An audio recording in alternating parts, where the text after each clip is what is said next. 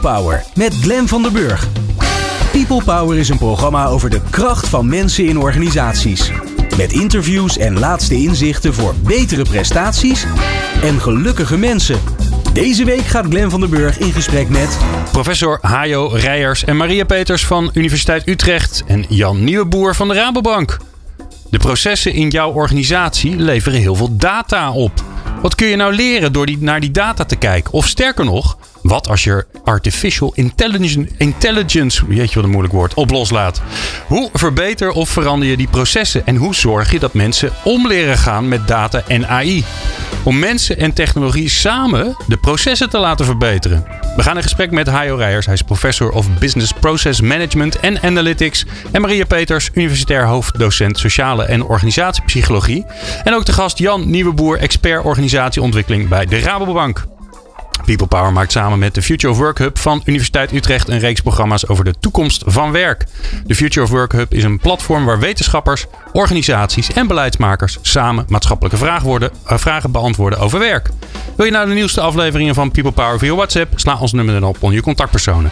06 45 66 75 48. Stuur ons een berichtje met je naam en podcast aan dan sturen we de nieuwste afleveringen direct zodra ze online staan. Fijn dat je luistert naar People Power. Dit is Nieuw Business Radio. People Power met Glenn van der Burg. Met een studio vol. Allemaal mensen die ook een soort van uitje hebben vandaag, volgens mij. Hè? Lang thuis gezeten. Ja, fijn dat jullie er allemaal zijn. Hajo, Maria en Jan. Um, ja, Hajo, maar even bij jou beginnen. Um, we hebben het over artificial intelligence. Onder meer, laten we die er maar even uitpakken door eerst te vragen: wat is dat eigenlijk? Tegenwoordig wordt het eigenlijk voor heel veel dingen gebruikt als het gaat om het automatiseren van werk. Het automatiseren van dingen die mensen voorheen uh, deden. Uh, dus ik denk er ook zo over dat je artificial intelligence eigenlijk zo moet zien als, uh, als verdergaande automatisering van dingen die we vroeger eigenlijk heel menselijk vonden. Zoals? Um, een klassieke voorbeeld van eh, artificial intelligence is eigenlijk patronen herkennen in dingen. Er is een, er is een heel mooi verhaal over een supermarkt in uh, Amerika, waar men eigenlijk begon te kijken naar hoe patronen in aankopen van mensen, waar het eigenlijk op duiden. Op een gegeven moment kon daar iemand al kreeg iemand aanbiedingen voor luiers thuis. Uh, terwijl hij nog niet wist dat zijn dochter zwanger was. Want die kon al zien in de aankopen van die dochter, die ging al bepaalde zalfjes kopen, dat dat duidde op dat er vervolg aankopen luiers waren. Dat vond die dochter niet zo leuk, want haar vader wist dat natuurlijk nog niet. Um, nou, typisch dat soort patronen herkennen, dat kan artificial intelligence heel erg goed. Als je er maar heel veel data in stopt, dan gaat op een gegeven moment kun je dus een verbinding leggen van, hey, als iemand dit doet, of als, er, als ik dit zie in de data, dan komt er uiteindelijk komt er ook dat stukje in de data naar voren. Kun je, zou je kunnen zeggen, en ik heb ooit eens een keer iemand van TNO erover geïnterviewd. Dus ik, ik, dan, ik ben lang bezig geweest om het proberen te snappen. Ja. Als, als wij als mensen iets gaan uitzoeken, dan hebben we een hypothese. Dan denken we, nou, dit zou wel eens zo kunnen zijn. Dan gaan we in de data kijken of dat klopt of niet. En eigenlijk doet AI dat duizend, vijfduizend, honderdduizend dingen tegelijk. Dus die gaat veel meer op zoek naar patronen dan dat je zegt, klopt dit? En die zegt geen ja of nee, maar die zegt, hé, hey, ik heb dit gevonden. Nou, dat klopt tot ten dele, zou ik zeggen. Want oh, kijk, ik ga weer wat er leren. er, is een, er is een misverstand dat als je een bak data aan een computer geeft, dat hij daar op een gegeven moment interessante patronen in vindt. Het werkt veel, veel sneller als je nog steeds die hypothese hebt. Als je nog steeds dingen hebt waarvan je denkt, die dingen horen bij elkaar. En dan kan een computer dat veel sneller bepalen dan eigenlijk mensen dat uh, kunnen. Maar er zijn aanpakken die inderdaad gaan zeggen van, nou ja, hier geef ik je een bak data. Uh, ga maar eens kijken wat de verbanden zijn. Maar dat is eigenlijk ook heel erg gevaarlijk, want computers kunnen heel makkelijk verbanden vinden over dingen die helemaal niets met elkaar te maken hebben. Er zijn ook klassieke voorbeelden van. Hè, dat in uh, de prijs van chocola bijvoorbeeld in Zwitserland... dat dat samenhangt met het aantal pinguïns ergens in een ander deel van de wereld. En daar is een correlatie tussen. En dan is er een correlatie tussen. Ja. Maar je moet je afvragen, hebben die dingen met elkaar aan. te maken? Nee. Dus het is toch altijd wel zo dat uh, als je echt iets met bakken data wil doen... zelfs met computers, moet je eigenlijk wel al een goed idee hebben... van waar je naar op zoek bent. Ja. ja. Nou, dan gaan we even naar organisaties. Ja. Wat kun je er dan mee? Organisaties zijn eigenlijk. Het gebruik van data is helemaal niet zo nieuw voor organisaties. Dus wat heel bekend is, is dat er natuurlijk gekeken wordt door organisaties van. Uh, bijvoorbeeld om te voorspellen wat mensen willen gaan kopen. Dus je kijkt naar hun aankoopgedrag en je gaat proberen te, um, te voorspellen wat ze misschien nog willen hebben. Amazon is daar een bekend voorbeeld van. Dat je kunt zien van oh, als u dit leuk vindt, vindt u dat misschien ook leuk. Wat je, wat je eigenlijk ziet is dat er een nieuw soort ontwikkeling uh, ontstaan is. Uh, uh, die is ook gedeeltelijk is die ontwikkeld in Nederland. Daarom vind ik het ook zo leuk om erover te praten. Dat is een aanpak waar je niet alleen maar data met elkaar in verbinding brengt. Maar dat je ook met data die je in je organisatie verzamelt. Kijkt over hoe doen wij eigenlijk nou de dingen in onze organisatie. Hoe verlopen, je zei het ook in de inleiding. Hoe verlopen onze processen nou? Dat maar dat weet je toch? Dat staat in een handboek. dat is, ja, dat is. Ja, dat heb ik vroeger geleerd op de HEO. Absoluut. Toch? Ja, administratieve organisatie. Zo, zo, administratieve zo, zo moet het gaan. Ik heb, ik heb zoveel van dat soort handboeken gezien in mijn carrière. En het grappige is, die zijn ook. Die, A, ze zijn heel vaak. Zitten ze, weet niemand waar ze staan. En als je ze vindt, zit er zo'n laagje stof op. Maar ze zijn er. Hè? En uh, het is ook de baan van de mensen om dat, uh, dat bij te houden. Het grappige is nou dat als je ook mensen vraagt over hoe ze hun werk doen. En je gaat ze daarna eens bekijken hoe ze dat werk doen dan, loopt, dan, dan zitten er altijd hele grote verschillen in. En mensen weten dat nauwelijks van zichzelf. mensen hebben daar toch een soort uh, bias in. Uh, ze vertellen je vaak over hoe het normaliter gaat, maar, uh, of juist over de, de, de, uitzonderingen. Maar ze kunnen heel moeilijk onderscheid maken tussen de, de keren dat het echt heel anders ging. Of dat, dat ze misschien eigenlijk dingen doen die helemaal niet gedocumenteerd zijn of eigenlijk helemaal niet de bedoeling waren. Dus, dus ik hoor je eigenlijk zeggen, als je mensen vraagt, ja. want eh, A, je hebt het handboek, dan heb je de mensen en die zou kunnen zeggen, hey, vertel eens hoe je je werk echt doet. Dan krijg je ook niet het echte verhaal. Nee, dan krijg je, het is heel grappig dat dat dus niet zo werkt. Mensen die zijn, uh, en er komt nog iets bij, mensen kunnen nog wel regelmatig goed reflecteren op het werk dat ze zelf doen. Maar in een organisatie is het natuurlijk zo dat je veel samenwerkt met anderen. Dus je, je bereidt een stukje voor en iemand anders maakt daar een beslissing over. Dan moet vervolgens iemand een aankoop doen. Dus mensen werken samen, maar begrijpen eigenlijk maar heel beperkt wat eigenlijk de anderen doen met het werk dat jij zelf hebt gedaan. Of hoe jij eigenlijk die informatie die jij toegespeeld krijgt, uh, waar dat vandaan komt. Dus mensen kunnen ook maar een stukje overzien. En als jij nou net geïnteresseerd bent als organisatie, houden wij ons aan deze veiligheidsprocedure? Of hoe lang duurt het nou eigenlijk voordat wij kunnen leveren aan onze, aan onze klanten? Dan moet je dus eigenlijk al die stukjes waarheid van al die mensen aan elkaar gaan plakken. Nou, terwijl die mensen zelf nog niet eens precies weten wat ze doen. En we willen natuurlijk continu dingen beter doen, sneller doen, goedkoper doen. Ja. Dat, dat, daar zijn we natuurlijk sinds Taylor al ongelooflijk mee bezig op een soms wat iets wat nare manier. Maar daar laten we meer over. Dat is zo. ja. ja. Ja. Um, laten we het eens vertalen naar de praktijk. Jan, als je dit hoort, dan denk jij gelijk, nou, dat klopt. Want bij de Rabobank doen wij alles altijd volgens het boekje. dat sowieso natuurlijk. Ja, maar dan nog wil je dat boekje steeds verbeteren, toch? Ja, en dat is tegenwoordig ook digitaal, dus uh, de stof zit er niet meer op. Maar uh, dat maakt het nog makkelijker om daar even wat, uh, wat afwijkingen op te, op te vinden. Dus ja, ik, ik ben het helemaal met Hajo eens. We, we, hebben een andere aanpak nodig om daar, om daar goed mee om te gaan. En ehm, ja, voor een deel betekent dat dat we uh, dingen verder automatiseren. Dus dingen die elke keer weer op dezelfde manier gaan, die, die proberen we toch elke keer weer wat sneller en beter te maken door daar ook een stukje automatisering op toe te passen. En uh, voornamelijk ook te gaan nadenken over, ja, maar die mensen die, die zo'n proces doen en die dus misschien willen en weten op een gegeven moment net eventjes linksaf of rechtsaf gaan, die doen dat niet voor niets waarschijnlijk zit daar een reden achter waarom ze dat doen. En dat heeft vaak te maken met een soort inzicht wat misschien eerder uh, je, ja, je, je onderbuikgevoel zeg maar uh, weergeeft. Maar over het algemeen zitten daar hele interessante processen achter. Ja. En dat is heel mooi om te zien ook. We zijn met robots bij ons bezig. Hè, dus voor een deel maken we nu robotjes die voor mensen die processen die eigenlijk helemaal niet. Dat zijn geen fysieke robots. Geen fysieke robots. Dat zijn een stukje software. Een stukje software. Ja. En uh, die pakken die dingen op. En die worden eigenlijk gemaakt ook door de mensen die dat werk nu uitvoeren. Aha. En die worden dan gedwongen om dat proces heel precies te beschrijven en te gaan, te gaan uitwerken. En uh, die komen dan uh, soms ook wel tot hele verrassende nieuwe ontdekkingen over hoe het soms beter of sneller of anders kan dan dat ze in eerste instantie hadden gedacht.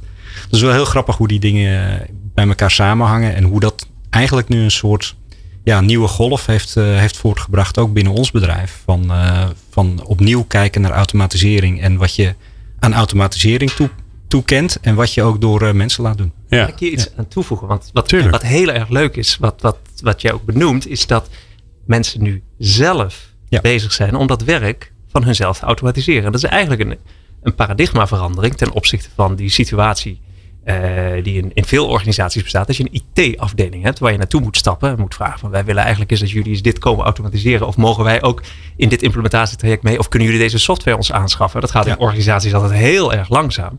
En nu is, zoals jij het ook beschrijft, zijn mensen dus zelf bezig om stukjes werk van hunzelf, die ze ook zelf misschien helemaal niet zo leuk vinden, niet het leukste deel van hun werk is. Daar moest ik, ik moest gelijk aan de kalkoen en kerst denken, eerlijk gezegd. Als je toch je eigen, je eigen werk aan het automatiseren bent, dan uh, wat ga je dan doen? Ja, nou ja, wat je ziet is dat, dat heel veel mensen die daaraan meewerken, aard wel zien ook als een, als een stapje voor zichzelf. dus dat, dat, dat, laten we daar wel uh, duidelijk over zijn. Uh, ja, voor een deel is dat wat je, wat je zegt is waar. Tegelijkertijd zie je dat die mensen eigenlijk dit ook wel als een uitdaging zien. En zichzelf daarmee eigenlijk rijker maken. Ook voor de, voor de markt de, buiten de bank of misschien binnen de bank.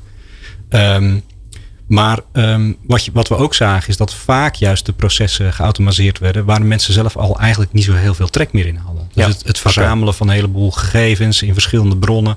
Elke keer weer datzelfde werk. Het is echt ja. geestdodend werk. Ja. En op het moment dat je dat kunt automatiseren, ja, dan heb je de meeste mensen die worden daar eigenlijk wel een beetje blij van. Ja. mijn, mijn studenten die zijn bijvoorbeeld altijd verbaasd als ze gaan werken. Uh, ze komen in een organisatie te werken. Ze hebben dan van de buitenkant hebben ze een beeld van. En dan dan zijn ze actief op die afdeling. En dan zien ze dat een heel groot deel van hun werk is bijvoorbeeld het overnemen van informatie uit het ene IT-systeem. Om dat in het andere IT-systeem te stoppen. En dat kost heel veel tijd. En dat is, niemand is daar blij mee met dat werk. Nee. Uh, Maria, ik wil even naar jou toe. Want um, um, dit alles, de voorwaarde er eigenlijk voor, is dat mensen in een organisatie überhaupt samen willen werken met deze nieuwe technologieën. Hè? Het is makkelijk gezegd natuurlijk van nou, je gaat even software schrijven en dan worden delen van je eigen proces overgenomen. Wat is daarvoor nodig bij mensen? Mhm. Ik wil ook nog even aansluiten op wat eh, Jan net zei, dat mensen hun eigen werk automatiseren. Dat is eigenlijk ook wat een van de belangrijkste aanbevelingen is van heel veel onderzoek en heel veel denkers binnen dit vakgebied dat je mensen heel vroeg in het ontwerpproces van een uh, nieuwe technologie in een organisatie of van een automatisering van bepaalde bedrijfsprocessen heel vroeg moet betrekken bij dat proces. Omdat natuurlijk de mensen die moeten gaan werken met dat proces en met die nieuwe technologie, dat zijn de experts. Die weten wat, uh, hoe zo'n werk gedaan moet worden en wat daar de prettige kanten van zijn en de minder prettige kanten. Ja, en wat gebeurt er in ons brein als dat niet gebeurt? Dus, dus hè, stel je in dit, in dit geval gaan mensen hun eigen werk verbeteren. Maar stel je voor dat er inderdaad iemand van buiten, een IT'er of een mhm. nog veel erger, een externe van een of ander groot softwarebedrijf. En die komt SAP implementeren of een van die andere afkortingen. Wat gebeurt er dan waardoor wij denken, ja, hou even. Nou ja, uh, wat, wat wij uh, veel doen is wij vragen mensen als ze met een nieuwe uh, technologie geconfronteerd worden. Van hoe hun werk daardoor veranderd is. En welke aspecten van hun werk veranderd zijn. Want wij hebben vaak veel aannames hè, van tevoren. Van, het wordt net, werd net ook al gezegd van we nemen bepaalde saaie taken uit het werk, laten we nu door uh, robots uh, laten we doen, of door software, technologie laten we dat doen. En dat doen we dan met, in de hoop dat bepaalde processen efficiënter worden, dat kwaliteit van dienstverlening beter wordt enzovoort. Dat pro processen sneller gedaan kunnen worden. Maar um, je kunt dat niet doen zonder aanzien des persoons. Hè? Het is altijd wel de vraag van hoe uh, gaan, hun, gaan mensen hun veranderende taken, hun veranderende werk, hoe gaan ze dat ervaren na die? Want het is een hele grote ingrijpende verandering. Hun baan verandert significant. En hun baan is ook niet meer de baan die, waarop ze gesolliciteerd hadden. Nee, maar dat kan me voorstellen dat je achteraf denkt: ja, nou, had ik dat nou al moeten doen? Maar mm -hmm. um, heel veel IT-oplossingen stranden al in het voortraject. Omdat mensen gewoon het niet gebruiken, het verkeerd gebruiken, uh, het misbruiken. Nou, ja, ja. Er nou ja, zin in hebben. er zijn een aantal redenen die daarbij een rol spelen. Maar één bijvoorbeeld hele belangrijke reden die we ook vaak in onderzoek aantreffen, is dat mensen vaak weerstand hebben tegen vernieuwingen. ze, zijn, ze vinden het wel lekker zoals het gaat. En ze zijn gewend aan bepaalde routines en gewoontes in het werk. En dan in één keer wordt er een innovatie, worden ze geconfronteerd met een vernieuwing, waarin ze vaak niet voldoende mee worden genomen in het proces van waarom die vernieuwing nodig is. Hoe ze, daarbij, hoe ze daarmee moeten omgaan, hoe ze daarmee moeten werken. en dat zorgt vaak voor weerstand. Dus als je mensen voldoende informeert, ook over het, het, nut van uh, de vernieuwing, het nut van uh, die nieuwe software bijvoorbeeld. En als je ze ook traint en helpt om daar op een adequate manier mee om te gaan, dan zorgt dat er doorgaans voor dat mensen die vernieuwing ook beter en eerder zullen accepteren. En dus minder weerstand ervaren om daar op de juiste manier mee te gaan werken. Ja, ik wil eh, zo heel graag met jullie hebben over, uh, nou sowieso een aantal voorbeelden om het lekker concreet te maken. Maar een andere vraag die bij mij in mijn hoofd eh, zit is, ja dat is allemaal leuk natuurlijk dat het proces nog sneller gaat en nog beter. En dat mensen nog meer uh, bijdrage leveren, nog meer productiviteit. Maar ja, wat hebben wij er als mensen aan? Hoor je zo. People Power op Nieuw Business Radio. Dit is Menno Lanting, spreker en schrijver. En ik kan me voorstellen dat je wellicht eens op zoek bent naar nieuwe inspiratie, nieuwe inzichten. Kijk dan vooral eens naar People Power. Mooie verhalen, mooie inzichten. Ik raad het van harte aan. People Power met Glenn van der Burg.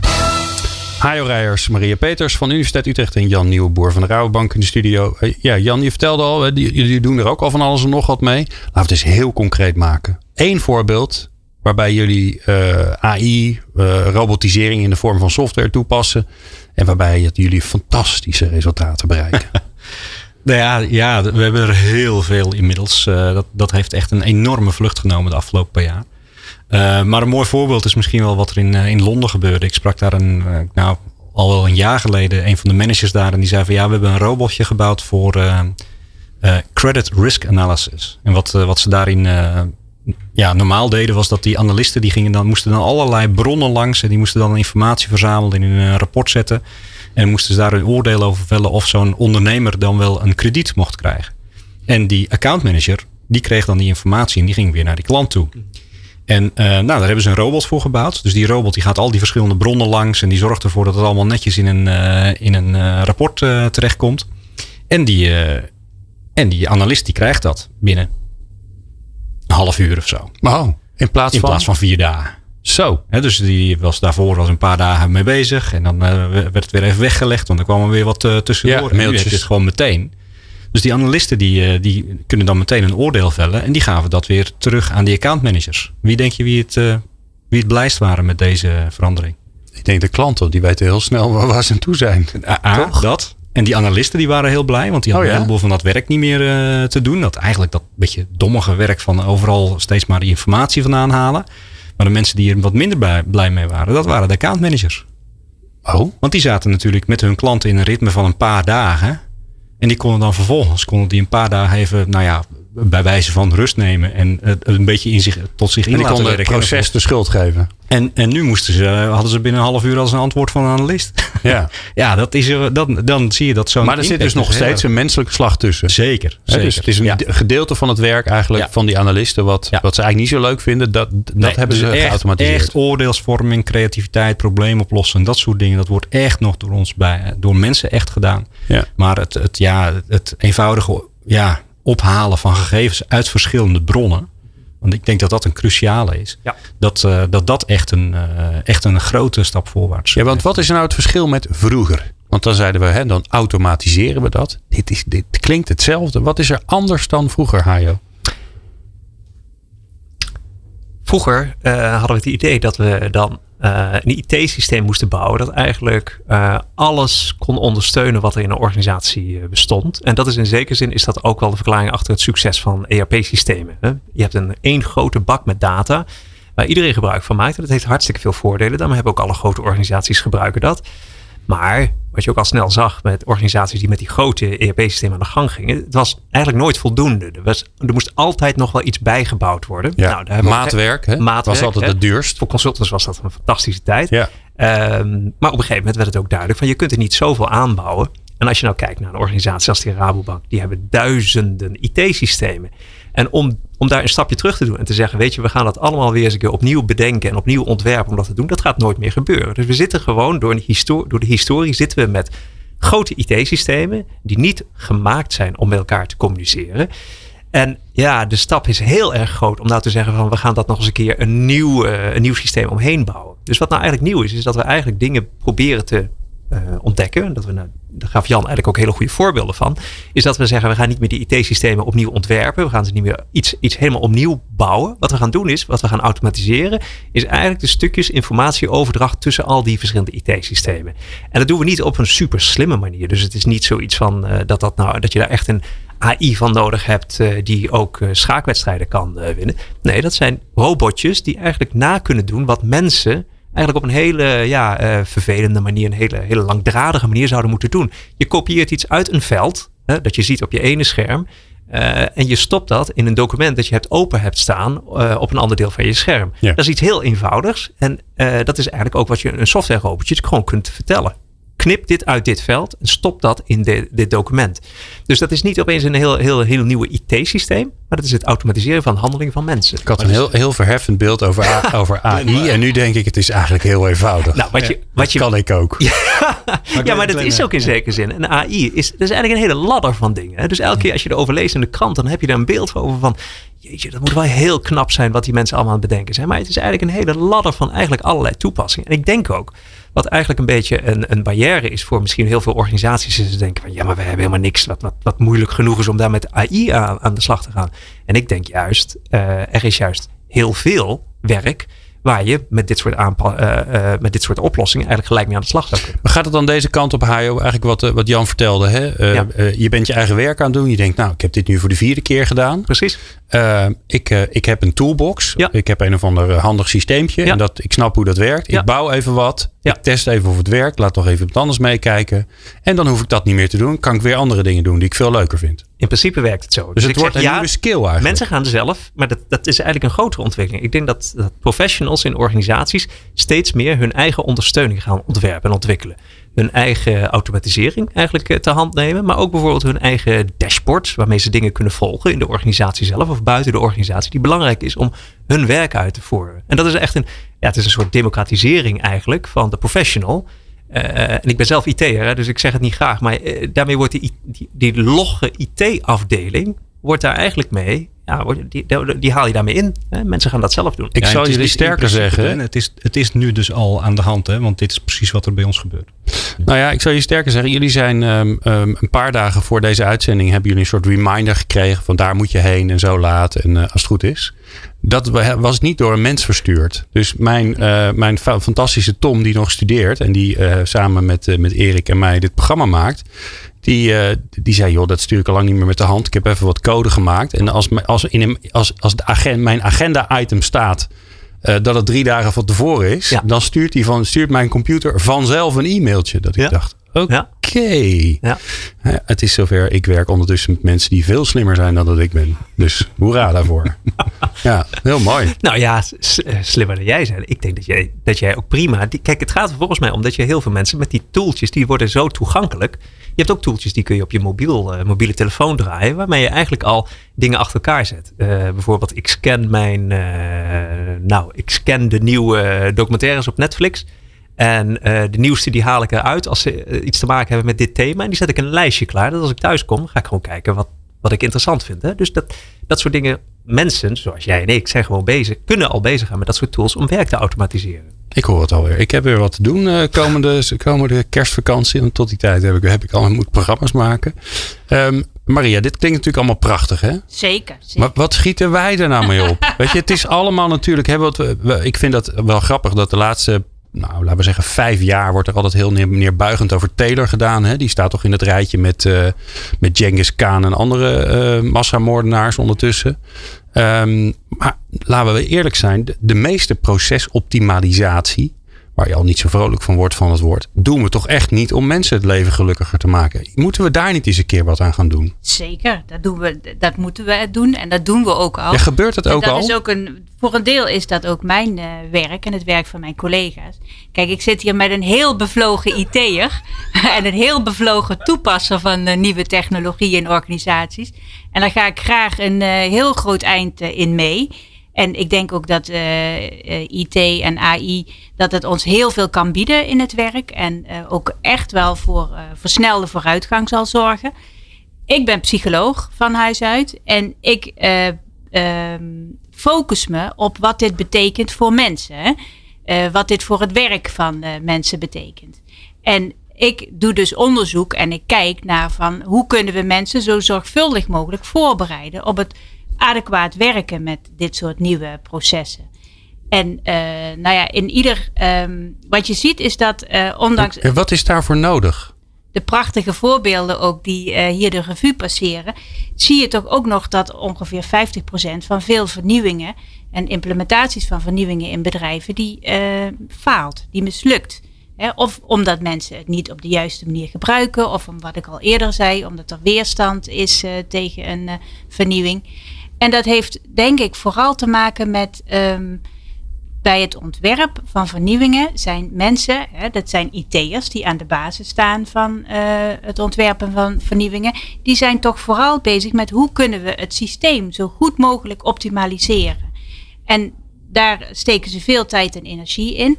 En in tweede instantie, denk ik, um, wordt er gekeken naar uh, hoe kunnen we dit systeem het beste implementeren in deze organisatie. En wat is daarvoor nodig?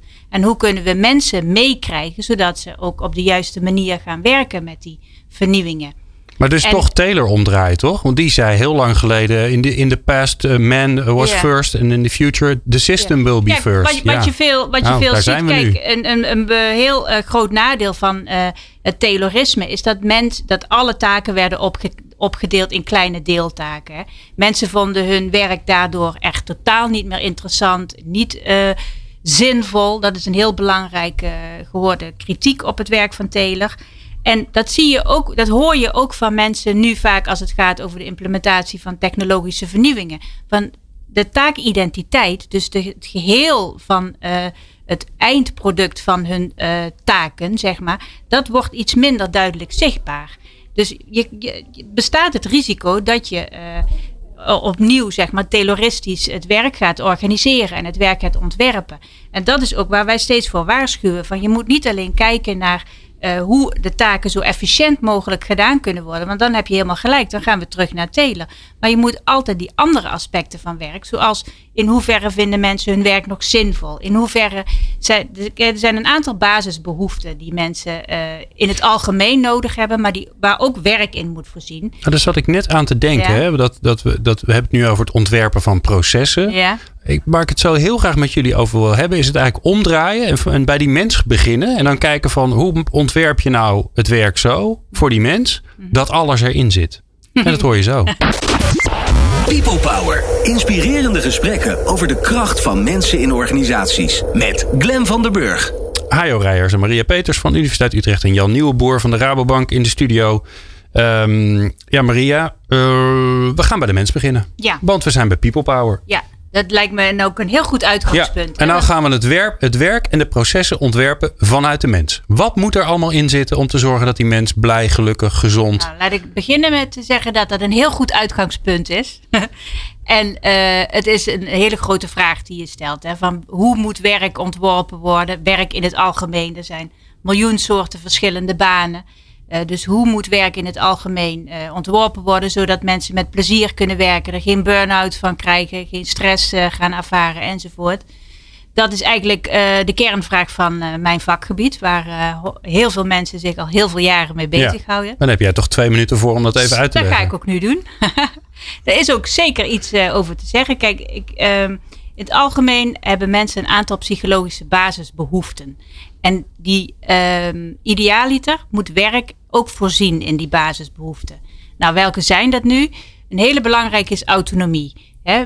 Mensen willen, die aan het werk zijn, die willen allemaal het gevoel hebben dat ze iets van inspraak hebben, dat ze zeggenschap hebben over hoe hun werk gedaan wordt, in welke volgorde, op welke manier enzovoort. Dat noemen we autonomie. En het, zou, het, is, het blijkt uit alle studies ook dat naarmate mensen meer autonomie in hun werk ervaren, dat ze dat werk ook echt plezieriger en mo- motiverender vinden. Kun je ook te veel autonomie hebben? Je kunt ook zeker te veel autonomie hebben. Ja, ja, er zijn natuurlijk altijd individuele verschillen ook in eh, hoeveel autonomie. Dat geldt voor alle behoeften die ik nu ook ga noemen. Ja. Want de tweede is ehm, verbondenheid. Mensen willen ook heel graag het gevoel hebben in het werk en ook daarbuiten, maar we hebben het nu over het werk, dat ze ergens onderdeel van uitmaken. Dat ze bij een team horen, dat ze bij een organisatie horen, of dat ze bij een unit horen. Alle organisaties zijn wel iets anders georganiseerd, maar mensen willen wel het gevoel hebben, ik hoor erbij. Het klinkt alsof daar spanning op staat. Want de een is, ik wil zelf bepalen. De ander is, maar ik wil wel bij wij horen. Ja, maar dat zelf bepalen, dat gaat over hoe doe je in welke volgorde doe je je werk, hoe voer je het uit. Maar de verbondenheid gaat meer over eh, het hebben van collega's. Hè? Soms er, eh, krijgen van sociale steun als het even tegen zit. Of van je leidinggevende bijvoorbeeld eh, feedback eh, ontvangen over hoe doe je je werk, zodat je ook weer kan leren en kan ontwikkelen. En dus je hebt collega's, je hebt een leidinggevende. Dat vinden mensen heel prettig. Dat gevoel hebben van eh, erbij horen. Ja. Dus twee. Dat is twee. Uh, de derde is uh, competentie. Dus mensen willen ook graag uh, iets bijdragen, hè, competent gevonden worden. naar hun eigen standaarden, maar ook door hun collega's. En of door de klanten voor wie ze werken, of de studenten voor, met wie ze werken, of de patiënten als het over zorg gaat. Dus competentie is ook een hele belangrijke psychologische basis. Waarom willen we dat? Omdat we ook een goed gevoel over onszelf willen hebben. Okay. En zodra we het, het, idee hebben dat we uh, ergens goed in zijn, dat we, hè, dat we competent zijn, dan geeft ons dat over het algemeen een heel prettig en aangenaam gevoel. Ja, het klinkt alsof het drie dingen zijn die je, als je een beetje je best doet, in elk werk wel tegenkomt. Nou, dat zou je denken. Dat zou je hopen in ieder geval. Maar niet in de voldoende mate hoor ik jou zeggen. Maar dat vind je zeker niet in uh, alle werksituaties. Er is trouwens nog een vierde. Die is oh. uh, meer recentelijk wordt die uh, ook uh, steeds belangrijker geacht en krijgt hij steeds meer aandacht. En dat heeft ook te maken met het onderwerp waar we nu over praten, denk ik, die uh, AI. En dat is van zinvolheid van het werk. Dus mensen willen ook heel graag het gevoel hebben dat het werk wat ze doen, dat dat zinvol is in een groter geheel. Dus dat het ergens toe bijdraagt. Dat je het niet omzonst doet, maar dat het ergens toe leidt. En dat het zinvol is voor een, wat ik zeg, een groter geheel of voor andere mensen. Dat kan heel verschillend ingevuld ja. worden. En, en in dat zinvolle zit dus misschien wel de sleutel om aan iedereen te verkopen. Dat klinkt een beetje plat hoor, maar om iedereen te overtuigen van, nou weet je, deze hele AI-ontwikkeling is fantastisch. Want al het niet zinvolle werk, het repetitieve, saaie, stomme werk, wat iedereen eigenlijk niet wil doen, daar hebben we een oplossing voor. Ja, maar je moet natuurlijk, en dat is denk ik ook wat Maria bedoelt, je moet ook kijken naar van wat blijft er over uh, voor mensen. Wat, wat die nog doen, hoe laat je daar eigenlijk van zien uh, hoe dat ook nog zinvol is? Hè? En wat, wat mensen bijdragen aan dat grotere geheel. En het leuke is, ja, Maria en ik zitten, uh, wij zitten in een, een gezamenlijke groep, hè, de Future of Work groep van, van, van de Universiteit Utrecht, waar we eigenlijk nu voor het eerst eigenlijk zo'n soort uitwisseling hebben van dat wij als techneuten, informatie, kennis nemen van dit soort principes. En het grappige vind ik zelf dat als ik Maria hoor praten over die principes, dat er bij mij eigenlijk allerlei dingen gaan rollen van, oh, maar daar kunnen we technologie natuurlijk voor gebruiken. Want we kunnen juist die verbondenheid of laten zien wat het effect van het werk is dat mensen zelf doen, weer terugvoeren naar die mensen om te laten zien wat het effect daarvan is. Maar dat gebeurt natuurlijk veel te weinig. Hè? Maar zodra je van die principes bewust bent, kun je die technologie denk ik ook gebruiken. wat vind je daarvan? Want het grappig vind ik als ik mijn zoon zie gamen, dan krijgt hij continu wordt hij ge, of verteld, dit ging niet goed, want dan gaat hij namelijk gewoon dood. Continu feedback. Ja. Hè? Of hij krijgt uh, bonussen en dingen. Waarom zit dat nog niet in die IT-systemen? Dat is toch dodelijk zonde? Ja, daar ben ik helemaal, helemaal met je eens. Want of zie je het al gebeuren? Nou, wat ik, ik, ik ken organisaties, en ik, ik noemde dat eerder in de uitzending, dat je dat organisaties waar uh, je mensen in staat stelt om eigenlijk zelf hun dashboards te maken. Dat je met mensen zelf kunnen volgen wat eigenlijk hetgene is wat voor hun relevant is. En dat kan heel goed zijn. Uh, hoe effectief ben ik? Hè? Hoeveel zaken heb ik, uh, heb ik behandeld? Maar ook hoe vaak wordt daar over een klant over teruggebeld? Dus je kunt in zekere zin, met technologie kun je al die feedback voor jezelf genereren. Maar ik denk waar je, waar je gelijk in hebt, is dat veel organisaties veel meer bezig zijn met het eerst het automatiseren van het primaire werk. En pas in tweede instantie, als ze dat al doen, aan het informeren of aan het, aan het, zeg maar, het, het, het, het zorgen van uh, dat dat werk, dat die mensen die het werk nog steeds doen, dat die dat prettig vinden. Dat die dat op een, op een, op een positieve manier waarderen. En eigenlijk zouden deze vier basisbehoeften gewoon in elk systeem moeten zitten. Je zou elke en dat keer is nou die, precies onze uitdaging voor de komende paar minuten.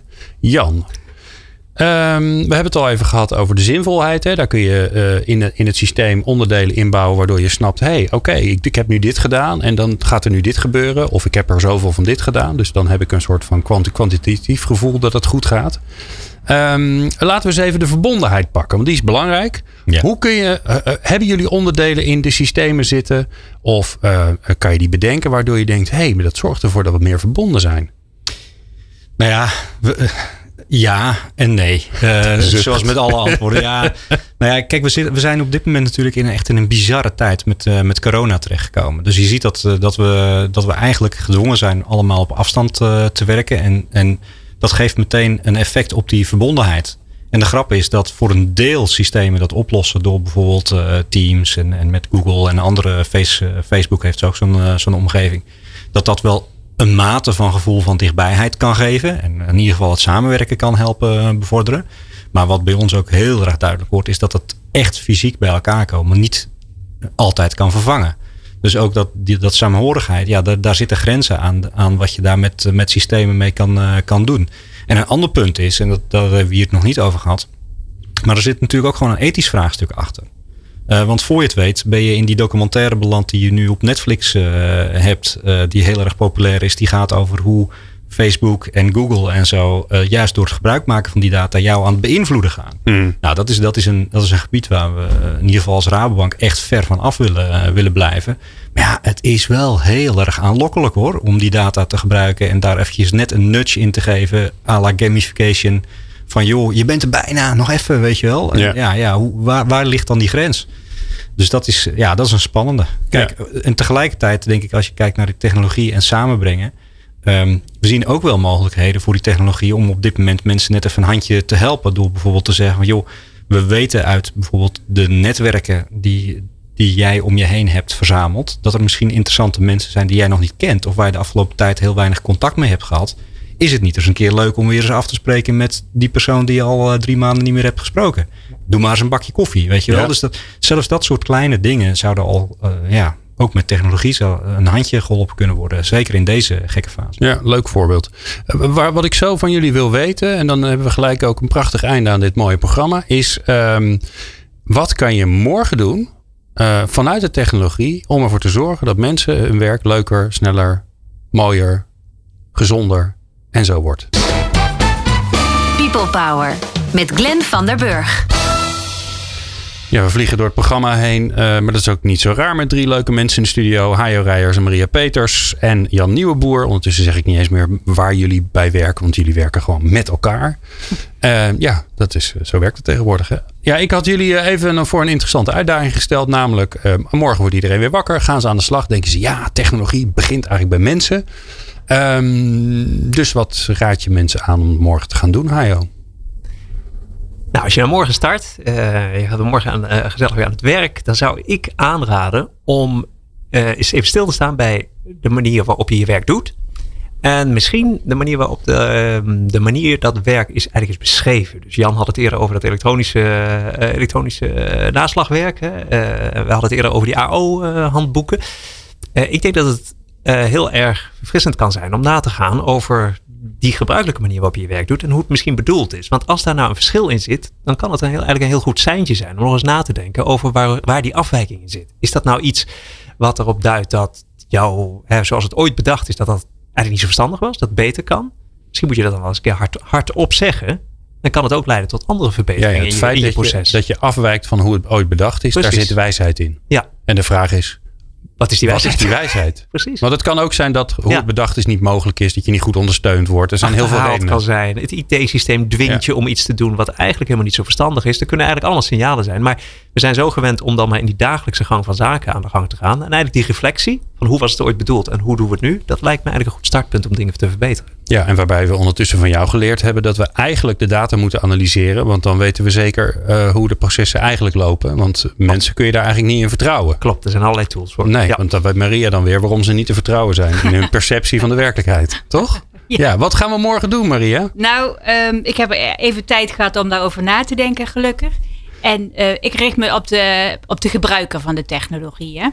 En ik denk, voor een deel sluit ik aan bij Hajo, want Hajo had het over reflectie. Ik denk dat het inderdaad heel belangrijk is als je als, als, als werknemer, als gebruiker van nieuwe technologie in je werk, morgen naar je werk gaat, denk ik dat het heel goed is om je af te vragen: wat vind ik eigenlijk van hoe mijn werk nu georganiseerd is? He, dat lijkt soms een heel vanzelfsprekend iets dat mensen daarmee bezig zijn en zich afvragen. Maar dat is een illusie. Mensen doen soms dingen omdat dat voor, van hun gevraagd wordt, omdat dat tot de routine behoort enzovoort. Dus ik denk dat het heel belangrijk is dat mensen zich gaan afvragen van wat vind ik er eigenlijk van en vooral wat geeft me plezier in dit werk? Hè? Dat noemen we de energiebronnen. En wat kost me, uh, kost me plezier? Wat kost me energie? Dat noemen we de taakeisen. En na reflectie, hè, want alleen met reflectie kom je er ook niet, maar na de reflectie volgt de actie. Dus ik denk dat het goed is dat mensen, we noemen dat met een uh, uh, leenwoord jobcraften. Ah. Dus dat mensen aanpassingen maken in hun, uh, in hun dagelijkse takenpakket. Zodanig dat die taakeisen en die energiebronnen weer veel meer met elkaar in balans zijn. En dat ze dus veel meer ehm, plezier weer gaan ervaren in hun werk. Twee blaadjes, links bronnen, Ja, rechts precies. lekken. En dan, eh, en dan met die lekken naar de IT-afdeling lopen en zeggen, joh, hier loop ik op leeg. Kun je dat even voor me, voor me AI'en? Nee, nee, dat zal niet snel eh, opgelost worden. Eh, ik denk wat de eindgebruiker eerder kan doen, is kijken van welke energiebronnen mis ik in mijn werk. En dan moet je weer denken aan de dingen waar we het eerder over hadden. Van soms vinden mensen dat ze veel te veel in isolatie werken.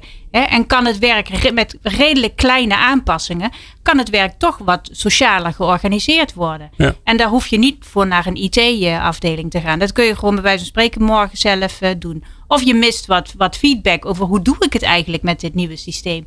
Nou, probeer mensen dan eh, duidelijk te maken dat ze een leidinggevende hebben. En die daar ook wel eens iets over zou kunnen zeggen. Van hoe functioneer jij nu? Hoe, hoe doe jij het nu met deze nieuwe innovatie? Ja. Of vraag van eh, ik wil wat meer eh, training en ik wil wat meer ontwikkeling op dit terrein. Want ik merk dat ik daar toch niet helemaal goed in thuis ben. Dus dat zijn niet wereldschokkende veranderingen. Daar hoef je niet voor naar de IT-afdeling. Daar hoeven systemen niet helemaal voor herontworpen worden. Dat kun je eigenlijk als werknemer, kun je dat zelf al stapje voor stapje eh, je baan in de juiste richting craften. Mooi. Ja, Jan, jij hebt de eindstoot. Oh jeetje. Ja. Eh, nou ja, ik wil, ik wil in eerste instantie zeggen dat ik het heel erg eens ben met, eh, met mijn twee, eh, andere, met de twee andere studiogasten. Want eh, ja, zo kijken we daar ook wel naar. Ehm, maar in, in aanvulling, ehm, ja, weet je, er is inmiddels zo enorm veel technologie binnen bedrijven binnengereden. En, en bij ons ook. Dat je je soms ook gewoon nog even moet afvragen van ben ik wel, ben ik wel in staat om ook gewoon goed met die technologie om te gaan. Ik, ik kom er toch heel vaak tegen, ook binnen onze organisatie, dat er waanzinnig mooie systemen en mogelijkheden zijn. die door relatief weinig mensen worden gebruikt. En dat, en dat kan zoiets simpels zijn als in Teams een gifje aan een berichtje toe, eh, toevoegen. waarmee je een uitdrukking geeft van hoe je je voelt of zo. Weet je wel? Dat is, ja, en misschien is dat ook wel een lans die ik wil breken. Laten we het ook een beetje leuk maken met elkaar. Want zeker in deze situatie, het is allemaal werk, werk, werk, werk. En het is juist heel, heel belangrijk wat we nu missen aan, aan, aan sociale interactie. Dat je dat op de een of andere manier ook weet te doen. Een ander punt trouwens, heel, heel belangrijk om het nog even te noemen. Is dat je ook niet continu aan kunt staan. Je ziet nu ook heel veel mensen die heel veel moeite hebben met, met digitaal samenwerken. En heel vaak met elkaar in, in teammeetings en dat soort eh, dingen te zijn. En die klagen dan over het feit dat ze eigenlijk geen tijd hebben om heel even tot rust te komen. En dat is heel slecht voor je brein. Dus eh, het is heel goed om af en toe even te lummelen. En, eh, en, ja, en, en gewoon heel eventjes te gaan strijken of zo. En even je, even je gedachten ergens anders op te laten. Eh, dus als je dat onder technologie ook vat, dan, eh, dan zou ik dat zeker ook aanbevelen. Eh, maar eh, ja, dus, dus probeer ook vanuit dat perspectief naar technologie ook binnen een organisatie te kijken. Mooi. Ik dank jullie zeer. Hajo Rijers en Maria Peters van Universiteit Utrecht. En ehm, Jan Nieuweboer van, Rabo, van de Rabobank. Ja, ik, ik, ik zit een beetje te hakkelen omdat bij mij in mijn hoofd nog steeds de Universiteit Utrecht dat er van tussen zit. En ik zit elke keer heel hard op te letten om dat achterwege te laten. Eh, ja, zo werkt het in het brein. Hè? Bij Maria die weet nu precies wat er allemaal in mijn hoofd gebeurt. Dat vind ik ook alweer een beetje eng. Ehm, in de volgende aflevering eh, van People Power is het weer tijd voor Café Forum. Eh het café is alweer open op maandagmiddag om 4 uur met Harry Starre. En dit keer zijn we aanbeland bij de E. Dus we hebben de A, B, de C en de D al gehad. Want vandaag hebben we het over het prachtige onderwerp evenwicht in werk en leven. En dat hoor je in de volgende aflevering van People Power. Kun je niet wachten? Ga naar peoplepower.radio. Zijn er nog 300 50 plus. We zijn boven de 350 eh, afleveringen te luisteren. Dus veel succes daarmee. People Power met Glen van der Burg. Meer luisteren? people-power.nl